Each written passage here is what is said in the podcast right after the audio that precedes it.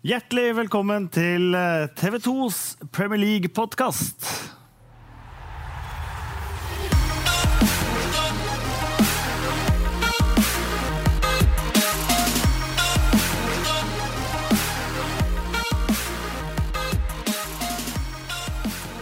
Endelig så har vi fått vår egen eh, Premier League-podkast. Det er kanskje fem år for seint, men nå er vi her eh, i hvert fall. Sime Sanse Møller, velkommen. Takk for det. Erik Thorstvedt, velkommen eh, til deg òg. Takk. Og det skal jo sies at for fem år siden så var ikke Simen Stamse Møller den mannen han er i dag. Så sånn sett så har han modnes inn i det jeg vil kalle for jomfrukasten Ja, i det er så deilig. Jeg er faktisk helt enig. Det er veldig godt å ha deg her nå. Som en, Fem år siden så satt jeg på mann. benken til Per-Mathias Høgmo det gjorde du. i ja, godt og vel 15-20 matcher. Det var, 15 minutter spilletid. Det var da bra du ikke satt på fanget hans, i hvert fall. Hva vet du om det? Eh, Nå er det altså under en uke til eh, Premier League eh, starter. Vi tenkte vi skulle gå litt gjennom lagene som skal spille der. Det er 20 i tallet. Tre nyopprykkede. Seks i hvert fall seks som har li ligatittelambisjoner. Eh, Vi skal gå gjennom noe som du har vært og studert, Erik. Kalt XG og XGA. Høres veldig uh, avansert ut, eh, men Ja. det er jo bare så expected goals og expected goals against. Det er en, eh, en måte å kvalitetssikre sjanser på, den gode gamle sjansestatistikken. Men det er forskjell på om du avslutter fra 5 meter eller 30 meter. Og den nye måten å jobbe rundt disse tingene på, den, den tar de tingene inn i beregningen. Og finne ut rett og slett eh, hvor mye bør et lag skåre ut ifra sjansen de spiller seg fram til, og hvor mye bør de slippe inn ut ifra hvor mange sjanser de gir motstanderen. Det gleder jeg meg til å høre om, eh, faktisk. Og så skal vi snakke litt om nyvinningen i Premier League, karantene for eh, filming. Vi skal så vidt innom dama til Viktor Lindeløv. Eh, Det var en eh, Innom dama. ja. Skal si, du legger lista høyt umiddelbart. Og hvis vi får tid, så er det flere andre ting å prate om eh, også. Eh, Community Shield-finalen som vi hadde på, på Wembley. Men vi kan begynne med å titte litt innom de nyopprykkede lagene. Det er Newcastle, Brighton og Huddersfield. Én god, gammel kjenning som egentlig hører hjemme i Premier League. Eh, to stykker som eh, ikke har vært i den øverste divisjonen på en mannsalder, kanskje til og med ikke din levetid, Simen. Nei, det har de i hvert fall ikke. Det er mye lenger tilbake enn det. eh, Virkelig. Eh, Huddersfield er jo den store overraskelsen. Naturligvis. Og det er jo det laget vi vet minst om hvordan kommer til å gjøre det. La oss være så ærlige. De har prøvd å Og jeg tror det er smart at de gjorde signeringene sine såpass kjapt i, i sommer, sånn at de fikk satt på plass en, en bra stall. I hvert fall sånn at de kan eh, få litt trygghet, og at Wagner fikk tid til å jobbe med dem. fordi da blir det i hvert fall ikke en sånn situasjon som med Hull i fjor, man kommer i, i gang på, på bakbeina. og uh, Det er helt sikkert supermye positivitet i, rundt klubben, uh, men det er det laget jeg vet desidert minst om, og, og det laget som eh, jeg tror det er størst usikkerhet rundt eh, blant alle, både eksperter og fotballfolk generelt. Bomba med opprykket, og når du, du greier altså å gå opp med, med negativ målforskjell Bare det er jo en prestasjon. Og I tillegg så skårer du ett mål i playoffen og rykker opp likevel. Så eh, det er klart at uh, lista ligger jo ekstremt mye høyere. Det er ganske gøy å se på resultatene de hadde i championship. og sånn. De lå liksom helt nede i bånn 16, 19, 18, og så plutselig opprykk. Så det er jo en, eh, en positiv identitetskrise for den klubben å plutselig være et Premier League-lag. Så vi se hvordan eh, de takler det, da. Men eh, favoritt for, for nedrykk fra, fra min side. Men David Wagner, da, for en, for en type, de gikk jo en helt annen vei enn veldig mange andre. og Nå har flere begynt å følge den veien også. De henta rett og slett treneren til Dortmund 2 og brukte hans kontaktnettverk. Og så er han veldig god kompis med Jørgen Klopp. Ja. Og det gjør jo at eh, Klopp har et positivt image, veldig positivt image, og han havner litt i samme kategori. da, Litt sånn samme greia. Og det er utrolig mange fotballkloke, intelligente folk rundt omkring. og Vi ser jo i Tyskland hvor tidlig de ofte får sjansen. Trenerne i- Tyskland er ofte latterlig unge. da. Men det er liksom, de, de går for intellektet. intellektet. De går for ikke nødvendigvis det som var greia før. Uh, han var en bra spiller, han må være en bra manager. Det er nye tanker, og det er en god ting. altså. Og så viste han seg også fra en annen side i championship eh, forrige sesong. Han var veldig annerledes den engelske fotballkulturen, hvis man skal kalle det det. F.eks. da de skåra mot Leeds. Og han beina ut på banen og inn i området til Gary Monk, som ga han en god vinge der. Og Gary Monk vet han var fullstendig respektløs og måtte ha en innføring i i hvordan man skal oppføre seg på, på, sidelinja, rett og slett. Mens han mente at man måtte være lov å være glad for å få mål. ja, ja, men også, i, i, i, England så er det jo en god del, eller i hvert fall sånn, generelt så er det en god del latterliggjøring av det som skjer andre steder enn i England. Det er veldig mye sånn 'vi har rett og de andre har feil'. Og sakte, men sikkert så har engelskmennene klart å forstå det at eh, impulser fra kontinentet det er ikke dumt i det hele tatt. og Vi ser jo det på, på øverste nivå også. Det er, det er, få engelske trenere nå, og, og at det ikke smitter nedover. Eh, altså det, det, må det jo gjøre, naturligvis. Og nå ser man det at eh, Huddersfield som havna det var vel sånn 19 17-16, og så kommer han inn, og så går det såpass bra. Selv om de jo hadde marginer med seg, så, så er det helt sikkert det at det er greit å hente en del impulser fra, fra Men i forhold til denne jubling og sånt, altså, hvis du hvis du slipper inn mål, så blir du dritforbanna. Hvis du slipper inn mål, så du innser at når vi kommer til å tape, så blir du enda litt mer forbanna. Når du i tillegg har en apekatt på sida som går totalt bananas, så det er klart at du provoserer, og det konter som henger i innbytterbenken. Det er klart det er utrolig mange som har lyst til å tørke denne sabla jubelen av trynet hans. Det blir jo en ekstra greie, da. Er, oh.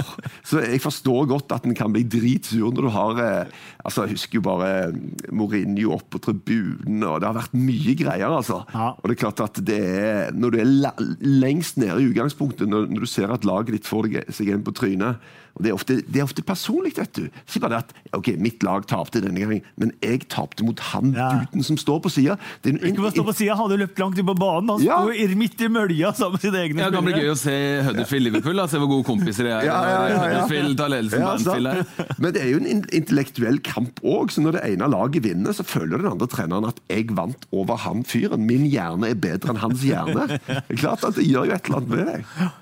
Og så er det én ting til. Eh, en sånn Liverpool-Huddersfield-link til, og det er selvfølgelig Bill Shankly.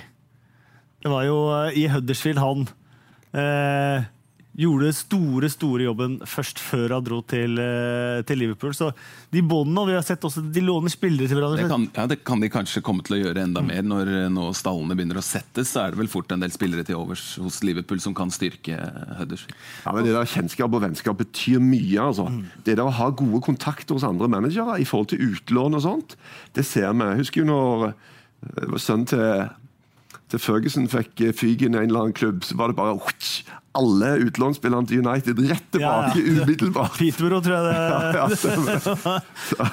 Det gjelder å holde seg inne, altså. Ja, det gjør det. Eh, vi har et annet eh, som vi heller ikke kjenner så godt, og det er eh, Brighton. Jeg skal dit første runde. Brighton-Manchester City. De har ikke vært oppe siden midten av 80-tallet. De har vært gjennom en vanvittig reise. På 90-tallet konkurs. Eh, var hårsbredd fra å rykke ned ut av ligasystemet uten bane. for De ble kasta ut av sin egen hjemmebane. Spilte to år i Gillingham. Eh, før de fikk da en nesten nedlagt friidrettsbane, Goldstomp, i Brighton. Før da fansen har tatt ansvar og fikk bygga opp klubben igjen. Og man har fått en fantastisk arena utafor byen. Det er litt av reise. Nå er de i Premier League. Ja, De, de flørta vel litt med opprykk under Gus Poyet, gjorde de ikke det? Jo da, de gjorde det ganske bra. Men hvis du skal rykke opp for championship, så skal du hente Chris Huton. Altså, det kan han. Altså virkelig, altså. Han er en kjempebra mann til å samle en, en klubb, samle en tropp, få alle med, vet hva det dreier seg om. Problemet er jo når de rykker opp. For da blir han jo ofte blant fansen. De har lyst til å se et lag som tør å, storme på. Da blir han litt forsiktig, og så forstår han at det kan du ikke gjøre i Premier League. De kommer til å drepe oss. Så han får ofte et litt sånn negativt image eh, blant fansen med en gang du er oppe i, eh, i, i, Premier League. Og det kan bli et problem for, for Brighton òg. Vi får se hvordan det utvikler seg. Og så har vi også Brighton og, og, og, Huddersfield, som har mange måter konkurrert på andre vilkår enn veldig mange konkurrentene sine i Championship. Eh, det er to lag som aldri har tilgang til eh, fallskjermpenger. Hvis man ser de de har konkurrert mm. mot, så har nesten alle på et eller annet tidspunkt hatt fallskjermpenger å konkurrere med. De to har aldri hatt det. Er det, er det sånn podkast som bare går ut fra at alle vet hva fallskjermpenger er? Hva mener dere? ja, ja altså, jeg vet da søren hvor altså, Fallskjermpenger er jo det nedrykkede lag fra Premier League får. Ja, For at ikke viss... krasjet skal bli så voldsomt ja. økonomisk. de får ganske mye første sesongen, litt mindre andre og litt mindre tredje. Men ja. de endrer jo på disse fallskjermreglene også fra år til år. da. Ja. Men nå tror jeg det er Hender tre noen ganger at skjermen ikke løser seg ut? Det, det, det syns jeg skjer ganske ofte, og da forsvinner det videre nedover. Men en, en ting som er greit å huske på, er at i, eh, i og med at topplagene Nå starta vi med å nevne at det er seks lag med tittelambisjoner. I fjor så normaliserte det seg ganske mye mer kontra sesongen før. Og, og toppen har blitt såpass sterk, og det betyr jo at, eh, at kontrasten til bunnen er større nå enn det den, det den var sesongen før det, i hvert fall. Og det var vel sånn at De tre lagene som kom, altså rykka ned i- fjor, til sammen samla færre poeng enn Chelsea. 92 til sammen, eller noe sånt. Så, eh, jeg tror jo det at både med tanke på pengene som vi snakker om, og, og med tanke på den rene kvaliteten de kommer inn med mot den de møter, så er det enda vanskeligere denne sesongen for de nyopprykka lagene å holde seg. Brighton og Huddersfield. Newcastle har jo et sterkt lag. Newcastle er et. Premier League-lag. Ja, men nå ja, nå skal vi sikkert snakke mer om Newcastle, men, men, men nå Huddersfield og, og Brighton jeg tror de står foran en av de vanskeligste oppgavene med å holde seg for eh, nyopprykka lag. Du har, et, du har jo noen lag der som er i utgangspunktet sånn potensielle, da. Altså som kan eh, altså Du ser på Burnley, som jo egentlig heller ikke er et Premier League-lag, sånn sett. Uh, og har òg tall som viser at uh, de hadde litt flytsone i fjor, som kan bli vanskelig å kopiere denne sesongen. Uh, Swansea overpresterte òg. Denne eh, Sigurdsson eh, Jorente-linken skaffa de faktisk eh, en del mer poeng enn det de burde hatt. Så har de føler jeg sånn en litt sånn negativ spiral Ja. lenge, hvor det har kommet inn nye managere, redda Ja. kanskje noen poeng, eh, klart seg. Det er litt sånn man tenker Til slutt så går det også gærent. Ja, og så er det Watford, da, som òg er en sånn eh, spørsmålstegn, da. Hvor eh, de, de kjører en litt Jeg syns de har henta veldig lite spillere denne sesongen. De pleier jo å være fullstendig uh, haraball med inn- og utfolk der, eh, vanligvis. Men de henta Marco Silva. Hente en Ja, Og med tanke på hva han gjorde med Hull forrige sesong, så, Ja. så tenker jeg kan det bli den overraskelsen denne sesongen? Ja, det kan det. Og når du så på liksom, De Hull rykker jo ned, så, da blir det liksom sånn Ja, ja, han var sikkert bra, men det holdt ikke likevel. Hvis du ser poengsnittet til, til Silva med Hull etter at han tok over, så hadde de havna på plassen bak Everton. Mm. det er, jo, det er jo uten tvil en dyktig manager. Altså, Ja, ja. Det sier alle som har jobba med han, og det så vi også. Selv om de ikke samla så mye poeng på bortebane. Det var et ganske grått og dårlig lag som han gjorde veldig mye bra greier med. Og de, så bra de var hjemme. Eh, nå får han et bedre lag å jobbe med. Will Hughes som er henta inn. Ja, er eh, veldig morsom spiller. Da. Så får vi se om han lykkes umiddelbart i Premier League, men det, det tror jeg blir en bra spiller for Watford. Nathaniel Chaloba. Eh, som jo egentlig bare har venta på muligheten sin til å spille fast. Eh, spennende spiller, en av de Chelsea-gutta som eh, Og han har egentlig bare én strålende sesong, Chaloba, og det var i Watford. Der ser du! Eh, da de kom til playoff-finale. Da var han kanskje lagets beste spiller. Er det fire år siden? Eller, eller noe sånt. Og siden har han flydd mye rundt. Ja. Kommet tilbake dit, da. Kjører samme prinsippet som Defoe, altså. Han skåra ti mål på rad når han var her på utlån for eh, 14 år siden. ja. Så vi henter han tilbake og ser om han kan gjøre det samme en gang til. Men det er jo også et av lagene. Bournemouth, som har, eh, som har også hatt en, en slags tendens til å enten være veldig i dytten eller klappe sammen i små perioder. Jeg synes Det er det som har vært mest imponerende med Bournemouth. At de har kommet tilbake på beina igjen etter Ja. at det har sett skikkelig dårlig ut. Plutselig bare oi! Ja. Og, Før jul i fjor så var det grusomt. altså. Da var det vel omtrent ti matcher på rad uten seier. Og det å greie å, å snu en sånn trend er faktisk ekstremt bra gjort. altså. med ganske lik fotball, og at de ikke har gått vekk fra prinsippene sine. Det ser vi altfor ofte, syns jeg. Managere som, som, som får panikk og gjør noe helt annet enn det de har avtalt. Mens Bournemouth har spilt den fotballen som Mm. Ja. jeg syns er ganske attraktiv. Og det har funka kjempebra. Og ekstra gøy selvfølgelig med at Joshua King har gjort det så bra, men, Ja. men de, det har vært imponerende. ganske liksom, show det som Eddie Howe har sagt, at han er bare så opptatt av å ikke høre eller lese noen ting som helst eller om Bournemouth. Han vil ikke bli påvirka.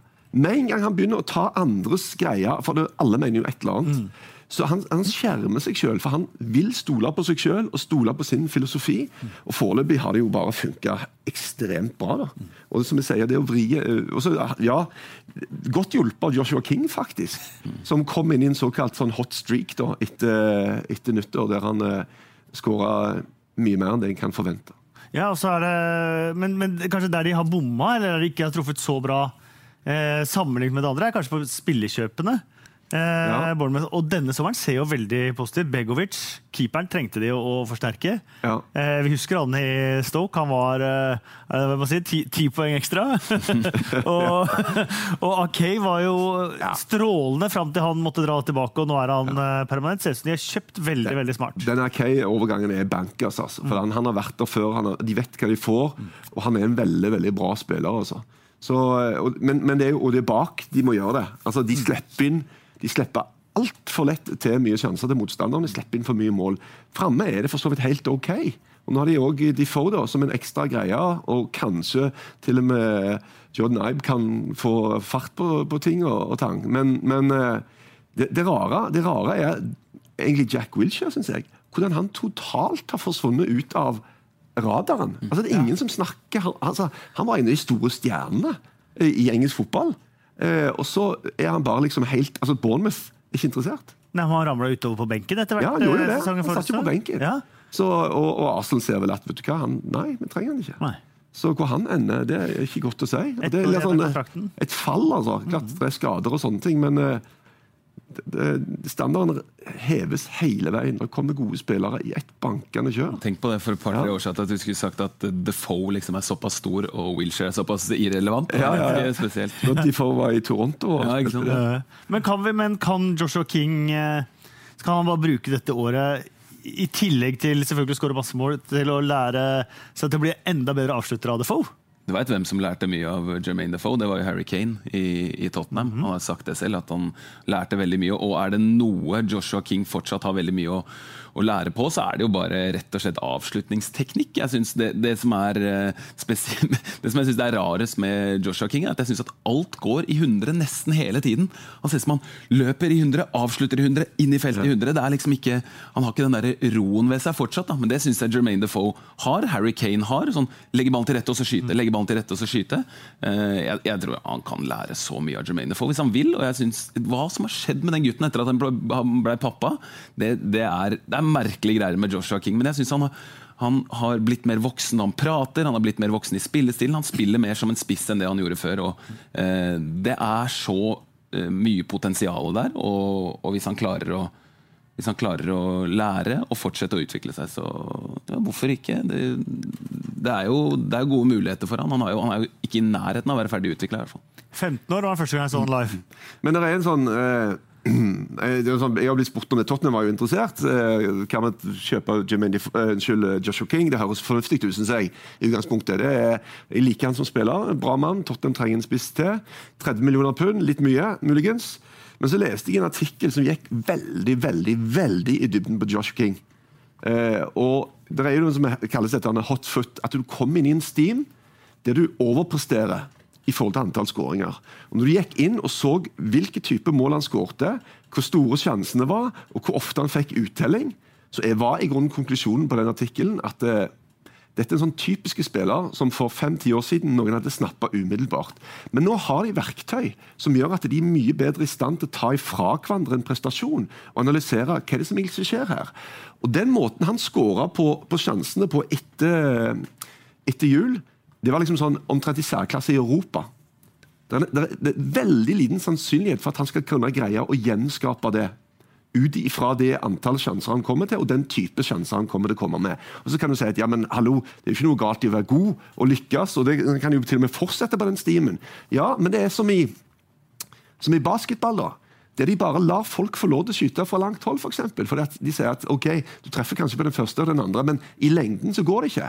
Og litt sånn er det også med den type greier her. Du kan gå inn og si at ja, men i lengden så kommer han ikke til å skåre den den, det antall skåringer ut ifra de sjansene. Han har hatt litt tur. For det, uansett om vi liker det eller ei, fotball handler også en god del om flaks-uflaks. Det er noe vi ikke liker å tenke på, for vi liker at ting skal være rasjonelt og logisk. Men det handler òg om flaks-uflaks. Og Joshua King, sesong eh, del nummer to i eh, forrige sesong, litt flaks. Ja, men dere husker hvem vi snakka om nøyaktig det samme om? Og han er vanskelig å se hva han er spesielt god Harry på. Nettopp, ja. Eh, Det var akkurat det samme, og klarer aldri å gjenskape den. Det var mange som var ute med følelser etter den Ja. første fantastiske sesongen til Kane også, men så tenkte jeg nei, han kommer ikke til å klare å gjenta dette her. Dette her var en hot foot, som, mm. som du sier. Så jeg er spent på å se. Eh, Jeg, er tilbøyelig til ikke være enig med, med deg. Og, og, han gjorde også dette her for et lag som Da han begynte å skåre, så sleit de jo voldsomt også. I serien hadde de én seier på siste sju eller et eller annet da han virkelig kom inn i, mm. i stimen. Det var ikke sånn at uh, han surfa på et, på et lag som gjorde det veldig bra. Nei, og jeg synes det er jo så mye med Han spiller som er bra. Han er jo mm. veldig flink til å gå forbi folk. Ja. Han er en god dribler. Ekstremt sterk. Han, eh, altså, hvem lagde flest frispark i Premier League forrige sesong? Tror det var Joshua King. Altså, han, han, han, er fysisk. Han, og en, ja. en spiss skal lage mange frispark. Mm. Det er faktisk og, og jeg så det var, det var han òg som hadde flest frispark for hvert gule kort. Og Det er òg en bra egenskap. Ja, ja, han løper ned folk, men det er ikke noe ja, ja, sant. Og Det er også faktisk en bra greie. Altså, jeg liker han som og uh, typen og har, altså, Norge har en toppspiss.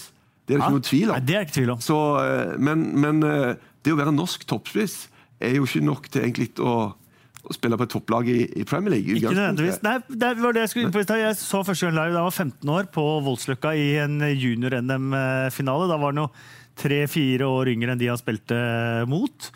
Um, og Da snakka man om det talentet til Joshua King. Det er helt mm. fantastisk. Bare gled deg. Bare vent og se. Han kom inn på de siste 20-25 minuttene i, i, den, i, den, kampen. Og Siden så har det vært snakka om han, han ble henta til Manchester United. Henning Berg kjøpte han. Uh, men så har han på en måte aldri fått spille i den posisjonen han eh, elsker, med tillit over tid.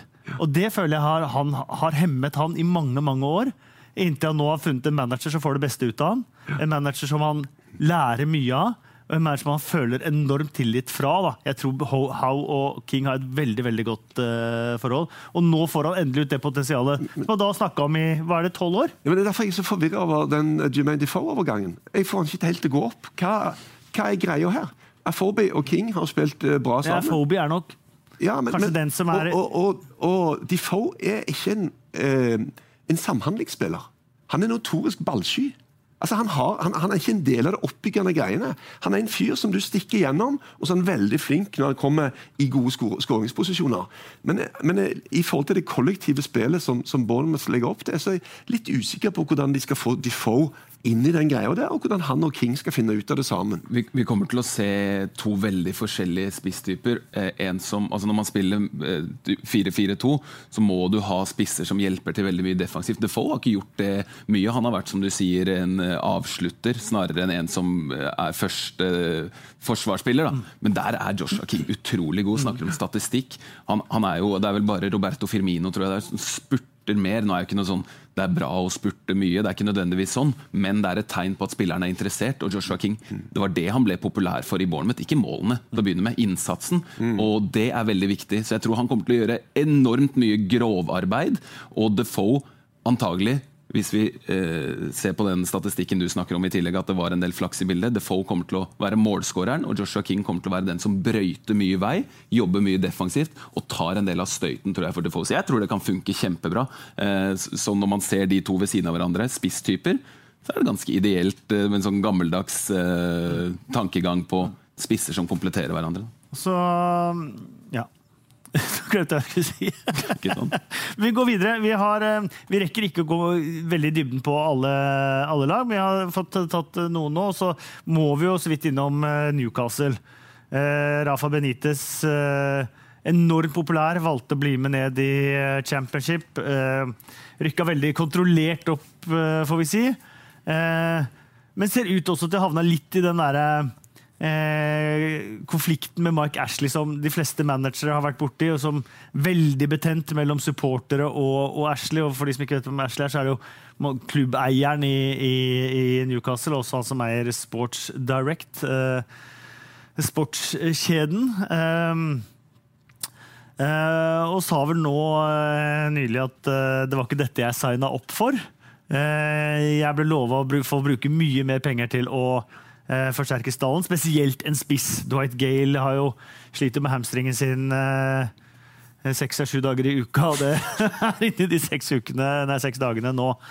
Eh, og det er jo setupen det snittet på 50 000 i, i championship eh, vei opp. Det, det, er veldig vanskelig å, eh, å plassere Newcastle foran en, en, ny sesong. De er jo en større klubb enn en de fleste klubbene de møter i Premier League, men de er også nyopprykka. Eh, og, er, og manageren peker på, peker på mangler. Ja, men altså, det er jo blitt en egen liten sport nå at, de, at eh, managerne er ute og sutrer litt i forhold til manglende midler. da. Det, og det virker, jeg tror folk og, altså Det er nok litt både én for å sette press på eh, på eierne om å få mer penger til, til spillerkjøp, men òg for å gjøre folk oppmerksom på at det er ikke jeg som bestemmer her. Ja. Altså det, før har jo alle trodd at manageren var den som var den almighty god i en klubb, og sånn er det jo ikke.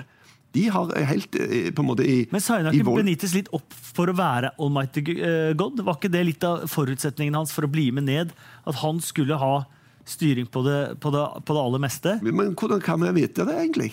Fordi han sa det, eller fordi fansen sa det, eller sto på en eller annen site? eller... eh, Jeg tror ikke Mike Ashley har sagt det, i hvert fall. Nei, Det var Så- inntrykk man fikk òg. Ja. Man vet at Benitez er et større navn enn å være manager. Han gikk fra Real Madrid til å være manager i Championship. Ja. Og får anta at han hadde eh, visse krav bak det. da. Men i hvert fall hans navn og pondus og kunnskap er jo kanskje først og fremst det og klubbens størrelse. Det som gjør at i hvert fall jeg tenker at vet du hva, Newcastle har den beste muligheten av de tre nyopprykka til å holde seg. Og Mark Ashley har vært nede nå. Han er ikke interessert i å være nede i championship. Og jeg tror eh, eh, han, er, han er en sånn som kan være villig til, når du kommer, hvis du kommer ut i januar og ser at de sliter, så kan han bla opp det som trengs for at de skal kunne kjøpe noe og holde seg. Altså. Det er ikke så mange steder det er sånn, men jeg tenker at i Newcastle så hadde det vært bra om treneren også styr, styrte klubben. Altså, de, han burde bare tatt, uh, Ashley kunne bare tatt ferie, så hadde Benitez helt sikkert klart å være uh, både eier og, og manager. Ashley gjør jo ikke så mye, gjør han det? da? Han, har jo ikke noen daglig Nei, er hånd over ikke. klubben. Han altså. har jo ansatt veldig mye rare folk de siste Opp årene. gjennom årene har han ja, fall til, å, til å ta den styringa også. Nesten virker som drikkekompiser. Joking ja. Dennis Wise var vel sportsdirektør, var han ikke det? eller? Dennis Weiss var vel sportsdirektør? Ja, Han var vel eh, innom så vidt. Og så har han jo andre sportsdirektører som har vært inne i rettssaker med det ene med etter det andre og har måttet gå av. Og det har vært eh, telefonavlytting som har kommet ut. og sånt. Men når man ser på laget, så, så er det to ting som slår meg. Det er en del dødkjøtt, og det er ingen spiss. Mitrovic ikke spesielt god i championship, ikke spesielt god i eh, Premier League. Dwight Gale skåra masse, masse, masse i championship, fantastisk, og prøvde seg i Premier League uten stor suksess før. Ja. Han skåra jo en del altså Målsnittet hans i Palace var vel ikke så verst? Var det det? Da? veldig bra heller. Nei. Um, det, Men ja, det var jo ikke så ofte han, han kom jo veldig mye innpå, da. nei, han hadde sju ligamål i 13-14. Men da spilte han jo bare 23 kamper, og bare åtte av dem fra start. Ja, sant? Og fem sesongen etter. Da hadde 11 fra start og 14 innhopp. Ja.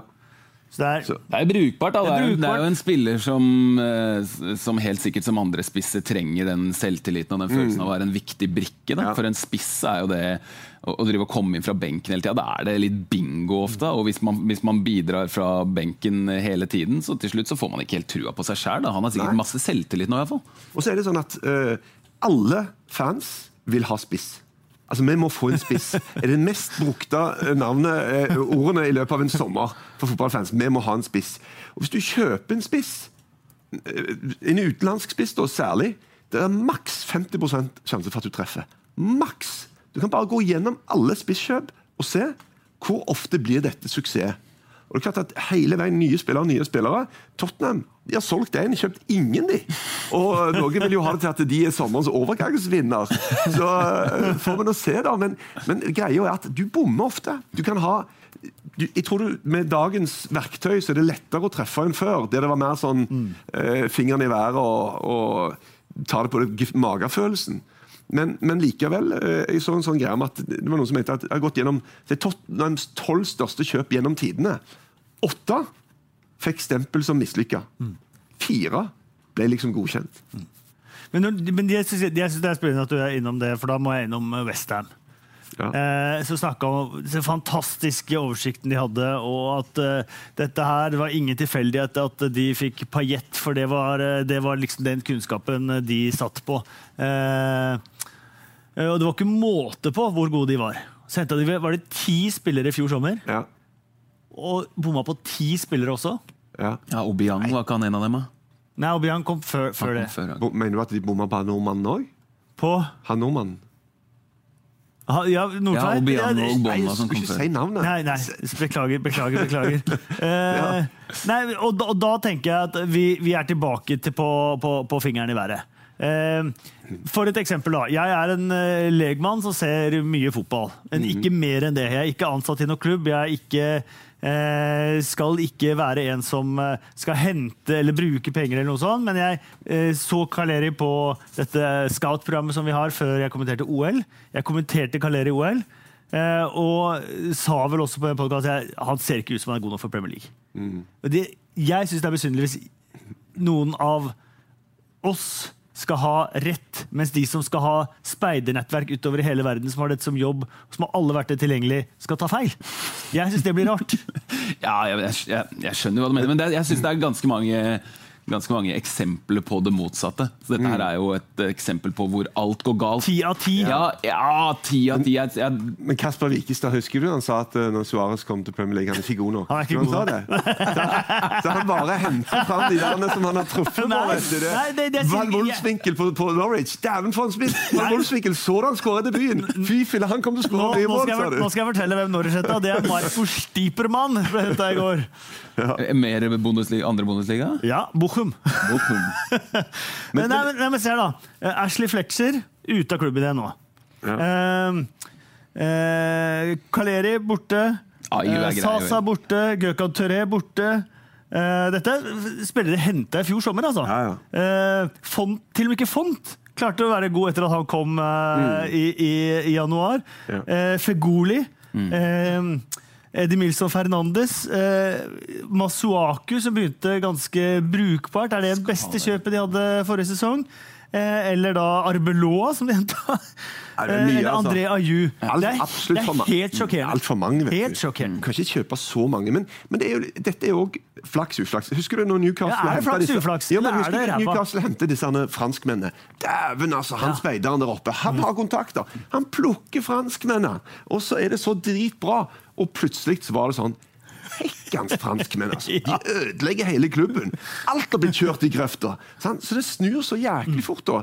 Og, og det er òg altså, Jeg så intervju det var sånn eh, De som driver store filmstudier i Hollywood, de må treffe. Altså, de får masse, prosjekt på bordet. Hva går vi for? Hvor legger vi kronene henne? Sant? Og så var det en som eh, selvfølgelig har gjort det altfor dårlig. Så en ny mann inn, og Han traff veldig bra i begynnelsen. Så fikk han spørsmål hva er det du gjør annerledes. Så, det er flaks uflaks. Det er det, rett og slett. Og vi liker ikke å tro det, men av og til treffer du, av og til bommer du. men- Men det må jo selvfølgelig være verktøy som gjør at det er en større sjanse for å treffe. Mange av disse scouting-greiene som du eh, som en refererer til her. Sant? Du kan gå ut, og det, det ligger masse på nettet, og du kan ha statistikk opp og ned i mente.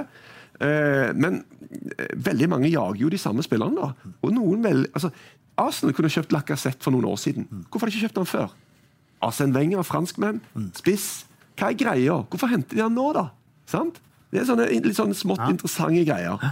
Også den politirazziaen som var i, i, i forrige sesong. Da var det Westham, Newcastle og Marseille vel, som var liksom klubbene. Og der har du, det, det er en sånn fransk link da, hvor jeg tror at det er eh, helt sikkert eh, gjennomtenkt, og alt sånn, men det er igjen en stor porsjon flaks-uflaks i bildet. Tauvin, som ble henta til, eh, til Newcastle, floppa der. Dro tilbake til Marseille. Han kom til match med sløyfe. Ja, ja, men dro tilbake dit, og han var bedre denne sesongen enn hva Paillet var i sesongen før han ble henta til, til Premier League. Han var på årets lag i Ligue 1, så det har jo noe med hvordan spillerne tar ligaen, tar en ny oppgave.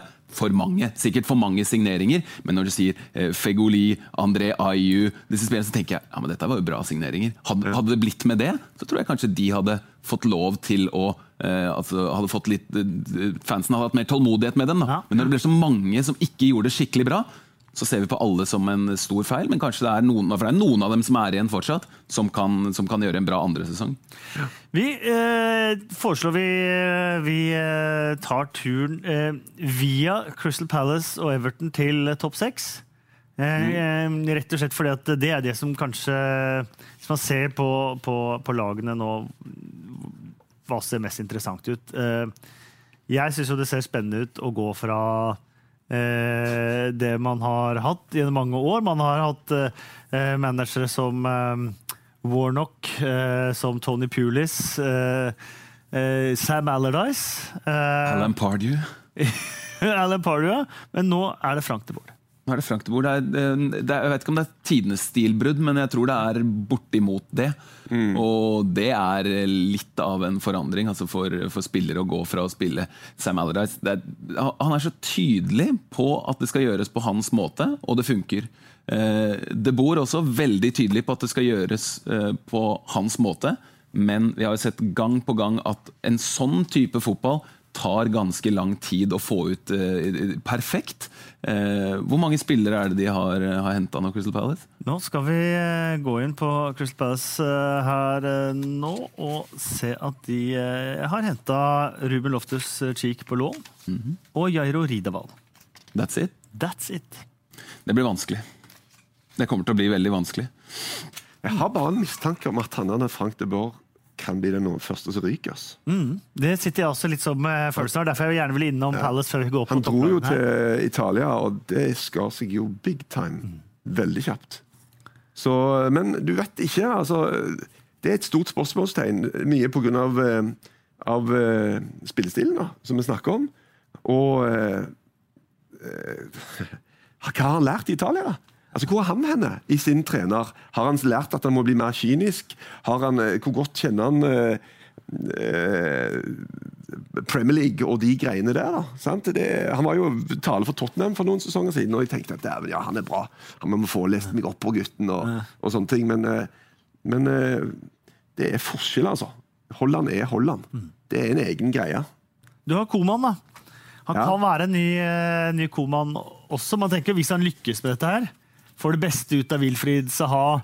Benteke banker i mål. Men ballen skal fram dit, ja, ballen skal fram dit, og hvem, hvem, skal den fram dit via, tenker jeg. Og det er, eh, det er sånn at Når man spiller sånn type fotball, så er de som er borti ballen desidert mest, det er forsvarsspillerne. Og ofte og i hvert fall når vi ser på det Crystal Palace-laget her, så er det de som er svakest med ballen. Eh, Delaney mener du at han eh, Delaney og, og man, man, så altså, Nå har de ikke fått tak i Mamadou Sako ennå. Det, det, kan jo bli en, en, bra mann å hente selvfølgelig for dem, men han har kanskje ikke sin forse i den delen av spillet. Mm. Så, så, jeg tenker jo det at obs, obs for uh, korte igangsettinger og ja. uh, ambisiøst uh, frispilling bakfra. Det, det, kan bli interessant. i hvert fall. Ja, de leverte spør du meg, den, den dårligste enkeltkampen av samtlige lag forrige sesong. Da de tapte 0-4 hjemme mot uh, Sunderland. Det ja. er det verste jeg har sett. Funny you should mention that. Ja. På grunn av at hvis du ser på expected goals De hadde mer possession enn uh, en Sunderland. De hadde uh, Burde vunnet den matchen i forhold til expected goals. Sunderland skåra Goals kommer vi tilbake til ja. litt senere. Men dette er en sånn kamp som ble ja. fremhevet på en sånn greie som jeg så, som en typisk greie, der du ser at uh, at uh, Sunderland de skåra vel tre mål rett før pause, eller et eller annet sånt. Uh, og, og, dette var sånn på veldig få sjanser. Og neste match, Sunderland tenker at nå har det løsna, reiser hjem. Skaper omtrent ikke en dritt. Null og niks. Så det var et lite blaff i en kamp der som Palace burde vunnet. Ja, Eh, kanskje man sitter Men du sier de var ræva! Ja, men, men, men, kanskje man også sitter med det inntrykket, fordi at eh, jeg, jeg, jeg, så kampen, og den atmosfæren som var på tribunen, ja, ja. er nok det mest toxic jeg også så i løpet av hele sesongen. Det var helt sjukt å se folk på tribunen. Og du må ta motstander med i beregning, for Sunderland var redd for å være det laveste av det lave. Altså, Større drittlag får du ikke. Og, og, og, det, og, dette med en arena hvor de aller fleste synger og synger og er bak laget sitt hele veien, og glad all over, og det er ikke måte på. Og folk var altså så rasende at jeg har ikke sett maken på tribunen og sitt eget lag. Jeg har sett maken, faktisk. Norwich Colchester. Da ja. publikum kom ned og begynte å kaste sesongkortene sine i ansiktet på manager Brian Gunn. men, men, her var det sånn typisk ja, Aldice tar over uh, Palace. Fem første kampene vinner de ingenting. Blant annet denne kampen her, ja. som jo er katastrofe. Mm. Og du tenker Aldice magic is gone.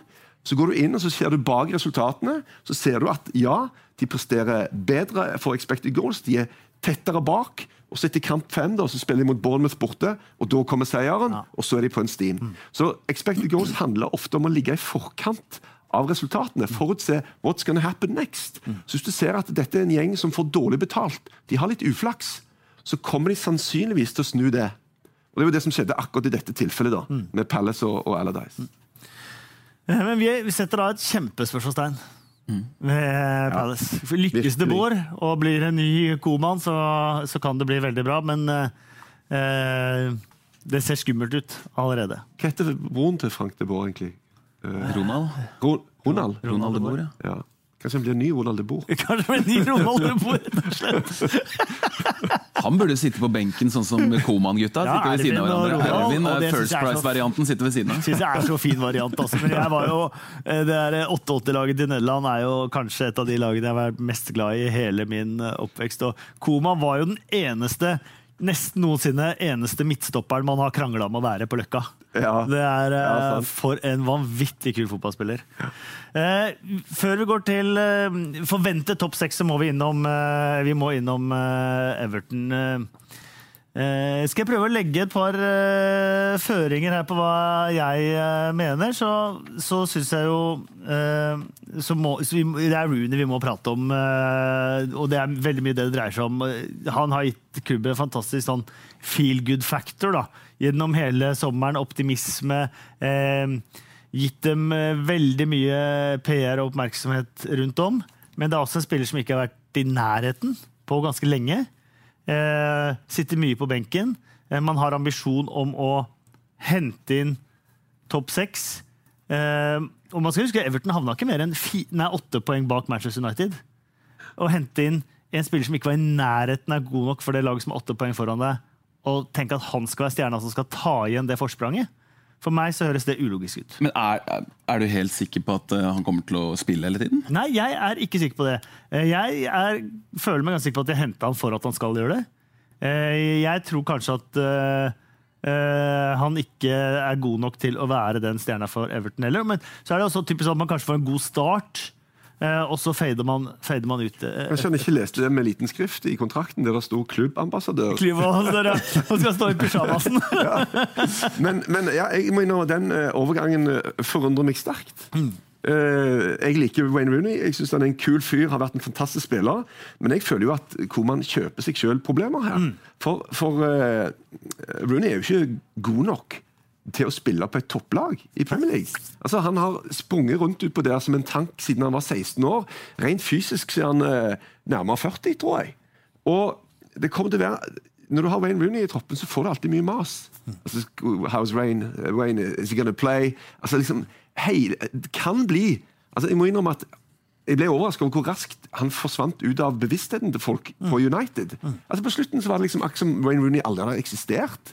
Eh, og Det kan kanskje bli litt sånn nå igjen, men, men han kan jo ikke spille framme i angrepsrekka. Det må Nei. jo være litt lenger bak på banen, sånn som jeg ser det. Og vi husker, det, ja, vi husker alle den oppstandelsen. Nyhetssendingene, avisene, eh, de første gangene Ben Rooney var vraka i Manchester United. Det var jo nasjonale nyheter Ja. he gjennom hele uka. at han var vraka. Ja. Og hvis Ronald Koeman da har ordna seg deep rem når han begynner å vrake Rooney fra, fra Everton nå Ja, så den, den, den greia det, med, med, Det ville være mye lettere for Koman å sagt nei, jeg vil ikke ha de greiene Ja. der. For det kommer til å være en konstant sånn eh, støyfaktor. Mm. Så, men, men rent sportslig så er det vel eh, Sandro Martinez som er Mm. det store spørsmålet. Altså Her har de mista en fyr som eh, skåra over 40% av målene sine i Lukaku. Og hvor god er han? Og Vi har hørt litt om sånne utkjøpsklausuler i sommer. Mm. Og Vi snakker ikke om 222 millioner euro, men 5,2 millioner Ja. pund var utløpsklausulen. Og det er jo latterlig billig. Det klart det er alltid andre ting som følger med, men likevel. Hvis han slår til, da. Og det må han nesten gjøre. Ja, det må han nesten Jeg gjøre. tror, jeg tror han kommer til å gjøre det. Jeg, jeg, jeg, jeg, Jeg er skeptisk. Jeg, jeg tror han, jeg, altså, hva er å slå til? Da? Hvis- I hvert fall hvis man tenker på Prisen blir jo latterlig lav. eh, Men uansett, dette er en, det er en kjempegod spiller eh, som etter hvert har blitt ganske rutinert. eh, Har spilt med og mot veldig gode lag i, eh, i La Liga. Skåra masse mål. Eh, Det som er litt spesielt er jo at Everton har brukt to tredjedeler av Lukaku-pengene på å kjøpe Michael Keane og og Jordan Pickford, i stedet for å gå for noe som er litt mer eh, bankers.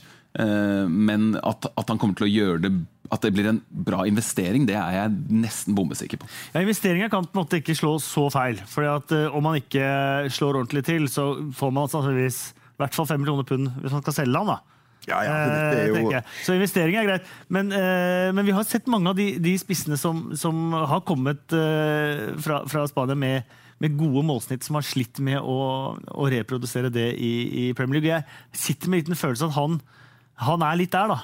Eh, han eh, kanskje eh, ikke den rene spissen som Og den, spesielt ikke det, sånn som Lukaku har vært med den fysikken eh, han har hatt på, på topp der eh, også. Så, eh, for meg så, så er det eh, Det er nesten synd å si det, en, en, en keeper og en spiss Everton mangler, selv om de har handla begge deler. For, for Pickford er jeg ekstremt skeptisk til. altså. Er du det? Men du er eh, gammel toppkeeper, så du har jo langt mer kompetanse. Nei, jeg er ikke skeptisk til han. altså. Det, er en, det, er en sånn, bare en overgang som makes sense eh, på alle nivåer. Sånn som jeg føler det. Eh, så, så det Men det er klart at Lukaku skårer altså så stor prosentvis andel av målet deres at de, de må erstattes på et eller annet vis. Og særlig hvis du skal bli bedre.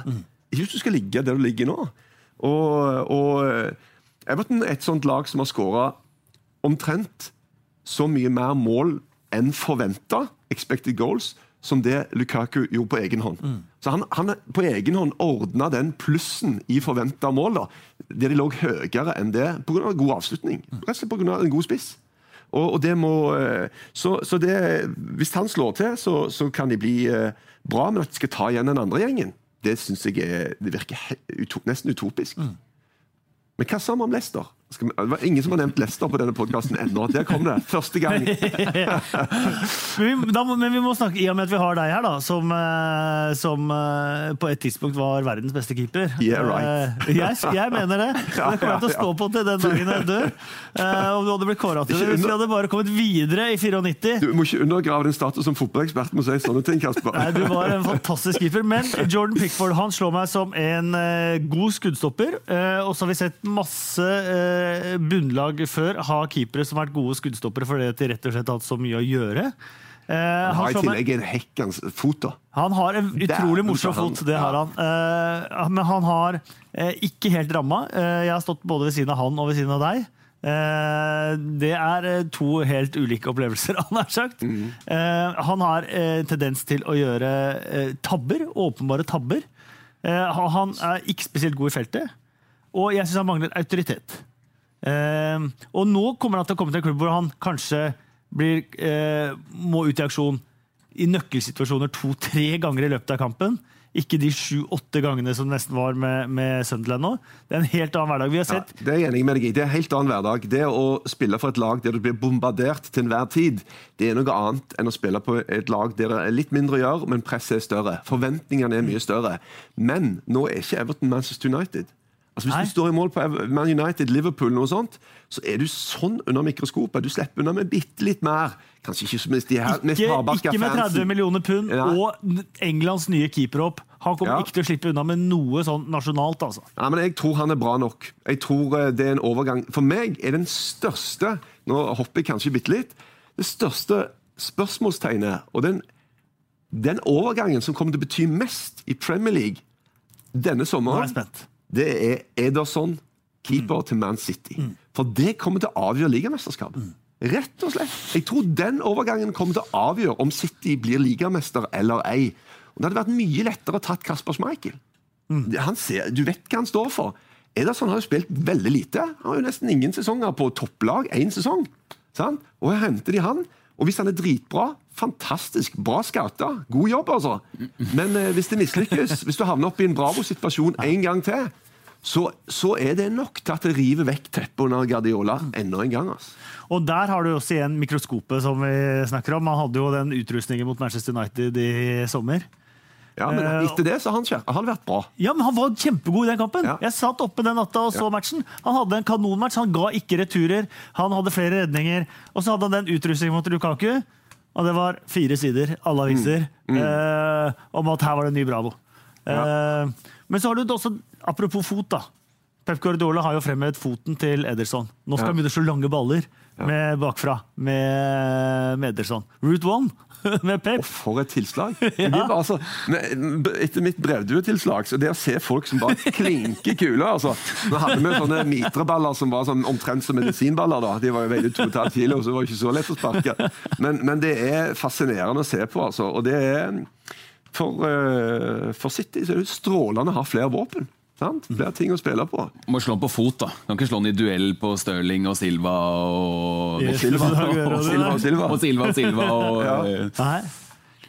Nei. Men Det har Guardiola fremhevet, at det, det kunne bli et uh, angrepsmål, for han har en ekstremt presis uh, langpasningsfot. For meg er Bernardo Silva kanskje det mest uh, Er vi på City nå? Ja, vi, vi Ser sånn ut. Ja, Torstvedt Erik, du uh, veldig bra. Fløs rett inn på, på City. For eh, Bernardo Silva utrolig spennende kjøp. Beste spilleren i ligaen forrige sesong. De, de, jeg, så ganske mye fransk fotball i fjor. Og han var, eh, han var den beste, spilleren på, beste offensive spilleren da på Monaco, for de hadde en kjempebra sentral midtbane. Også. Ekstremt gjenvinning, det. Høyt. Akkurat det Pep vil ha. Utrolig spesiell historie også med han som eh, egentlig ikke var bra nok for Benfica. Vokste opp rett ved stadion og stort sett spilt for Benfica 2. Og så henta han Monacoen, og så hvem er dette her? Og plutselig så var det virkelig en av Europas beste offensive spillere forrige sesong. Gleder meg til å se på Manchester City. og gleder meg til å... Det er, kanskje, det er ikke sikkert han kommer til å starte. Han, han starta ikke nå den siste kampen mot Westham. David Silva skinna seg, forresten. Ja, det er. Det er magisk. helt Det- Ja, Ja, det ser så Helt rart ut. Ikke kjent for et fjell. det var. Det var bare absurd. Men, men det er jo noe av utfordringen, da. Eh, En positiv utfordring, selvfølgelig, men eh, de har så mange spillere. Ja. Altså, det, og, og, altså Man United er akkurat det samme. Hvordan skal du få pressa alt dette greiene her inn, da? Bortsett fra stoppeplassen. De har tre stoppere. Ja, Det er snart er det bare to for komp... Altså, Ja, og det- Kompani spiller så lite. Det, Det- der ser bekymringsfullt ut. Det er store spørsmålstegnet for meg. Midtstopperne. Det, det har det jo, altså, jeg, En av de tingene jeg eh, satt som primærårsak til at Chelsea vant forrige sesong, var at de henta inn defensive fibre. Så mange gode spillere med defensive kvaliteter. Alonso eh, Nå funka det jo kjempebra med David Luiz når han fikk den rollen han hadde. Kanté, ikke minst. Viktigste, kanskje. Ja. Eh, men enda flere med dem også. Så eh, Manchester City henter jo ikke defensive fibre. Eh, Benjamin Mendy, som er hentet, han er jo venstrekant, nesten, egentlig. Eh, han er brukbar eh, defensivt, men, men han er jo en angrepsspiller, egentlig, han også. Så de har jo ikke, de har, og Yaya Touré spilte sentralt på midten nå sist. De, de kampene Manchester City ikke har ført 100 så har du sett han har, han har store problemer. beina fort nok. Ja, store det går problemer. alt Fernandinho blir kanskje den viktigste så, ja, han, han er jo en av de viktigste spillerne deres, men han får en kjempeansvar på seg, for balansen i det laget er ikke bra. Altså. Nei, Jeg har aldri trodd at Yaya Touré skulle være der fortsatt. ikke jeg. Aldri. Aldri trodd. Men det er han, gitt. Så, men, men det er klart at nå har de sett eh, Du skal ikke se deg blind på, på treningskamper, men de har sett eh, ekstremt bra ut. Ja. Altså virkelig. Men vi tenker tilbake forrige sesong. Fem seire, null baklengs, fem første. Og så møtte de vel Celtic borte. i, Ja, eh, og 3-3-matchen borte der, ja. Og så begynte det å gå i oppløsning. Altså. Så uh, vi skal vente bitte litt før vi feller noe dom som helst. Jeg, jeg prøvde å se uh, om, fordi vi snakket om at Joe Hart slapp inn tre mot uh, City. Mm. Burde ha sluppet inn syv. Så, så han spilte faktisk en ganske god match. Ja. Så de var veldig veldig gode nå sist. Også. De jeg er bekymra for, det er Liverpool. Er du bekymra? Mer bekymra enn før? Uh, mer bekymra før. De hadde altså ikke viste seg bred nok stall til å konkurrere nesten kun i Premier League forrige sesong. Nå skal de ut i Europa. Eh, ikke handla bredde. Eh, handla en god venstreback, men ikke en topp venstreback. Eh, og Salah. Og, Apropos det Erik sa tidligere om at noen managere velger å legge press og si at de trenger nye spillere, så så jeg Klopp i dag morges Ja. eh, sa at eh, nei, her, her er eh, all good. Liksom. All vi, vi trenger ikke noe midtstopper, må, må ikke kjøpe en midtstopper, må ikke kjøpe en sentral midtbane. Men det er jo, det er jo, det er jo hevet over enhver tvil at de har jo veldig lyst på Nabi Keita og Virgil van Dijk. Og, og det blir veldig vanskelig å få noen av dem. Van Dijk er vel den som er mest mulig av de to. Jeg er helt overbevist om at van Dijk kommer til å spille for Liverpool. Altså når Liverpool var ute og sa at beklager, vi trekker oss fra hele handelen, og la seg flate etter en sånn eh, ulovlig tilnærming til spiller. så, så bare tenkte jeg ja, det, han, han havner der. Altså. Han kommer. Ja, ja, ja. Den mest, den mest, unnskyld, den, den mest kjente eh, lignende historien var da Paris Saint-Germain skulle hente Thiago Silva fra, fra Milan og sa akkurat det samme tidlig i vinduet. Unnskyld, unnskyld. Da hadde de fått, var, eh, Paris Saint-Germain hadde fått noen prikker på rullebladet. Liksom. Og så gikk det en liten stund, og så var han der, og han har vært så viktig. Og jeg tror altså, Er det noe, er det en missing link på det Ja. Liverpool-laget der, så er det en ekstra god Ja. midtstopper. For han det, Og, men det er litt sånn paradoks at det, liksom, det lønner seg ikke å være mest mulig jævel. På, altså det å være altså, en, en kødd, da. som spiller syk, nekter å gå på trening, streiker. Altså, det er jo en forferdelig dårlig menneskelig egenskap. egentlig. Du har kontrakt i klubben, men samtidig så, så, er det sånn at hvis du gjør det, så øker du sjansen din ekstremt for at den overgangen skal gå gjennom. Men hvor, det, det jeg lurer på, hvorfor, hvorfor, vil folk kjøpe og hente en spiller som kommer seg til klubben på den måten? Det er, det er, det er, det er litt sånn som eh, hvis du innleder forhold til eh, en jente som allerede er i et forhold så kan du banne på at hvis dere blir sammen, så forlater hun deg på samme måte. The way you get them, the way you lose them. Så det ser vi med fotball. Så du mener at fotballspillere er like glad i en fotballklubb som kjærester er i hverandre? Er det nei, det litt, Tror du det er sånn? Det, nei, men det, jeg mener jo at litt det der uttrykket holder seg i mange steder i livet. da. The way you get them, the way you lose them. Og du har sett spillere som har streika seg vekk fra én klubb, kommet til en ny klubb og så gjort det samme mm. eh, seinere også. Det, det, sier noe om pers personligheten. José Font gjorde ikke han omtrent det samme, da? Ikke nødvendigvis, ikke, ikke nødvendigvis noen personlighet til spilleren, men kanskje til agenten. Ja, er dette for, og er dette, folk, er dette folk ja. du har lyst til å assosiere deg med å få inn i ditt eget reir? Det er jo det jeg lurer på. Ja, det, er så mye, det er så mye greier som foregår der. Det er så mye sånn skittent spill og agenter og styr og stell at det, det, er en sånn verden som du har nesten lyst til å vite minst mulig om. Altså, for det, det er så mye. Men, men, jeg tror når han havner i, i eh, Liverpool, så tror jeg den kanskje omtrent mest bankers overgangen i hele vinduet nå er Salah. Jeg tror han passer perfekt. Ja. Altså, og, og med Liverpool er det sånn at eh, Vi snakket om eh, King og Defoe og egenskaper som utfylte hverandre. Det beste for Liverpool er at de som spiller framme, er mest mulig like. Alle er helt på bølgelengde. Mm. Alle gjør det samme greiene. De kan bytte posisjoner og fyke rundt. Og det, liksom, det, det, blir ikke noen forskjell. Altså, det, det funker bare.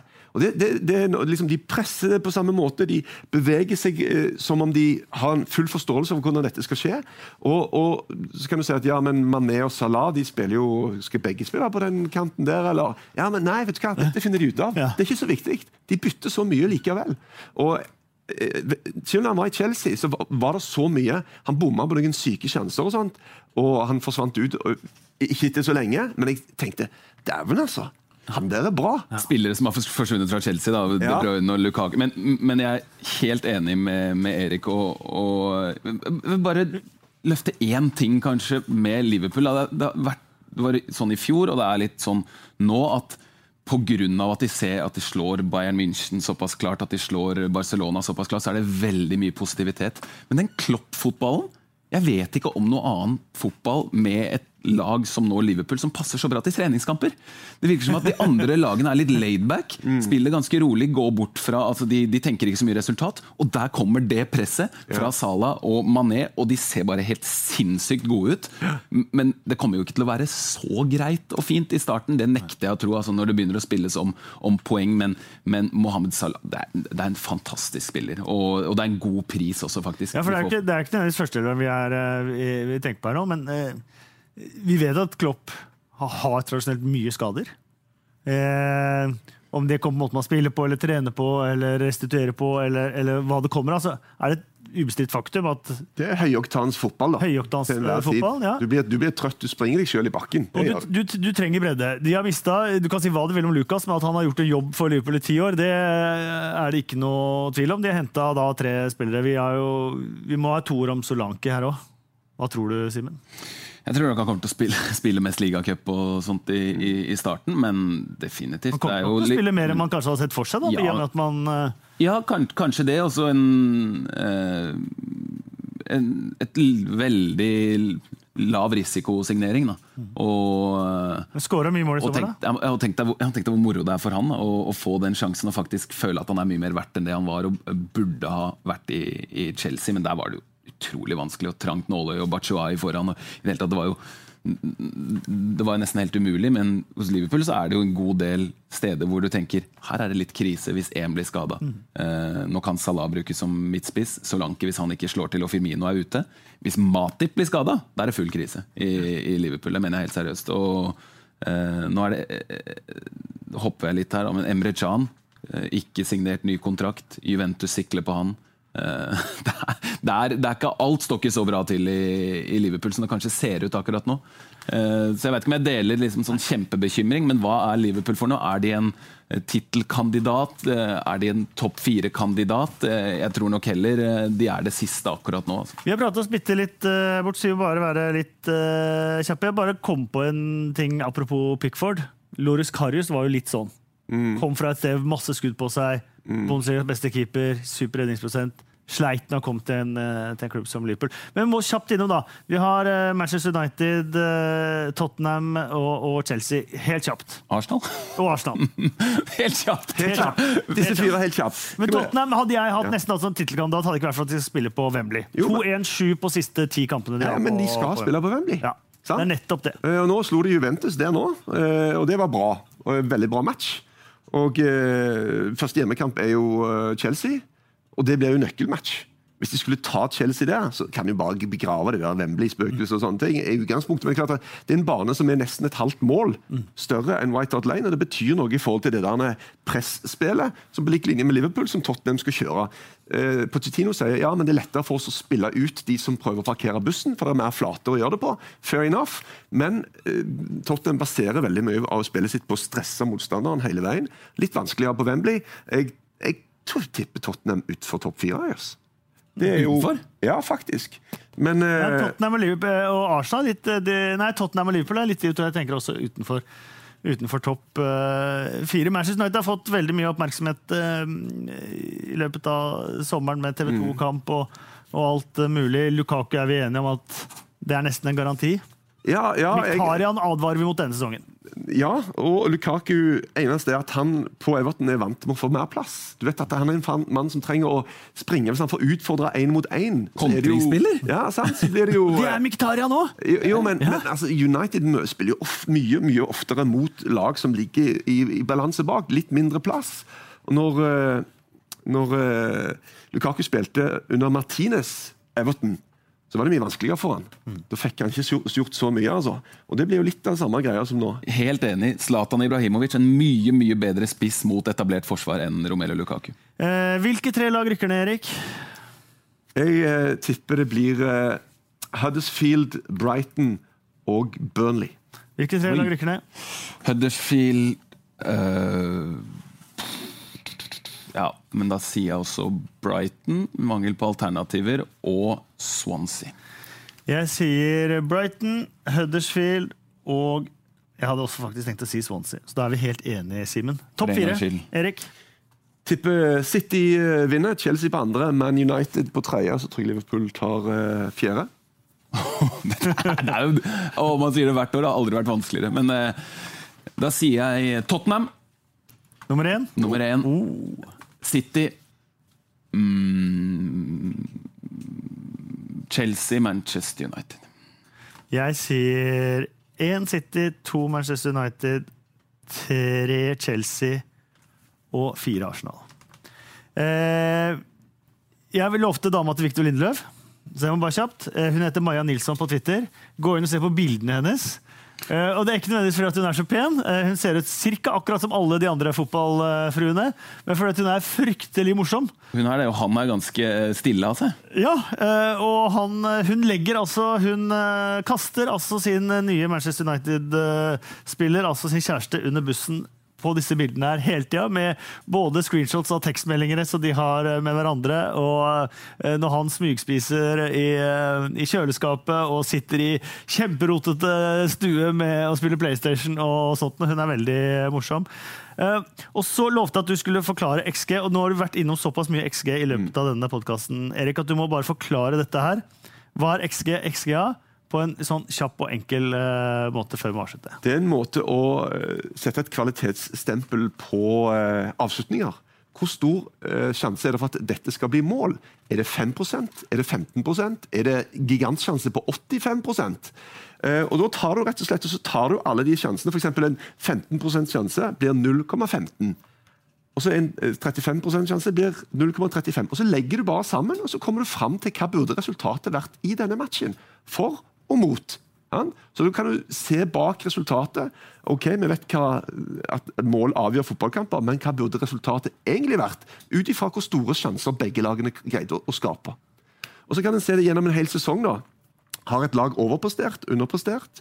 Lukaku og Harry Kane de skårer omtrent ti mål mer enn det de burde gjort, ut ifra sjanser. Benteke han hadde akkurat like bra sjanser som Harry Kane forrige sesong. Han skåra 13 mål. Sant? Så her ser vi at noen er i flytsonen, noen greier å, å overprestere, mens andre underpresterer. Og, og vi snakket om eh, nøkkelmann for City, keeperen. Aguero hadde en veldig eh, lavprofilsesong forrige sesong. Han skåra omtrent det han burde skåre, ut ifra sjanser. Men Aguero skal skåre mye mer enn det, og det kommer han til å gjøre denne sesongen. Supert. Eh, For de som venta på veldig nøye gjennomganger også av flere av de topplagene, så beklager vi mye. Pratet oss litt bort. Håper uansett du har kosa deg med, med det vi har eh, hatt. Vi skal ha 100-timerssending, Kasper.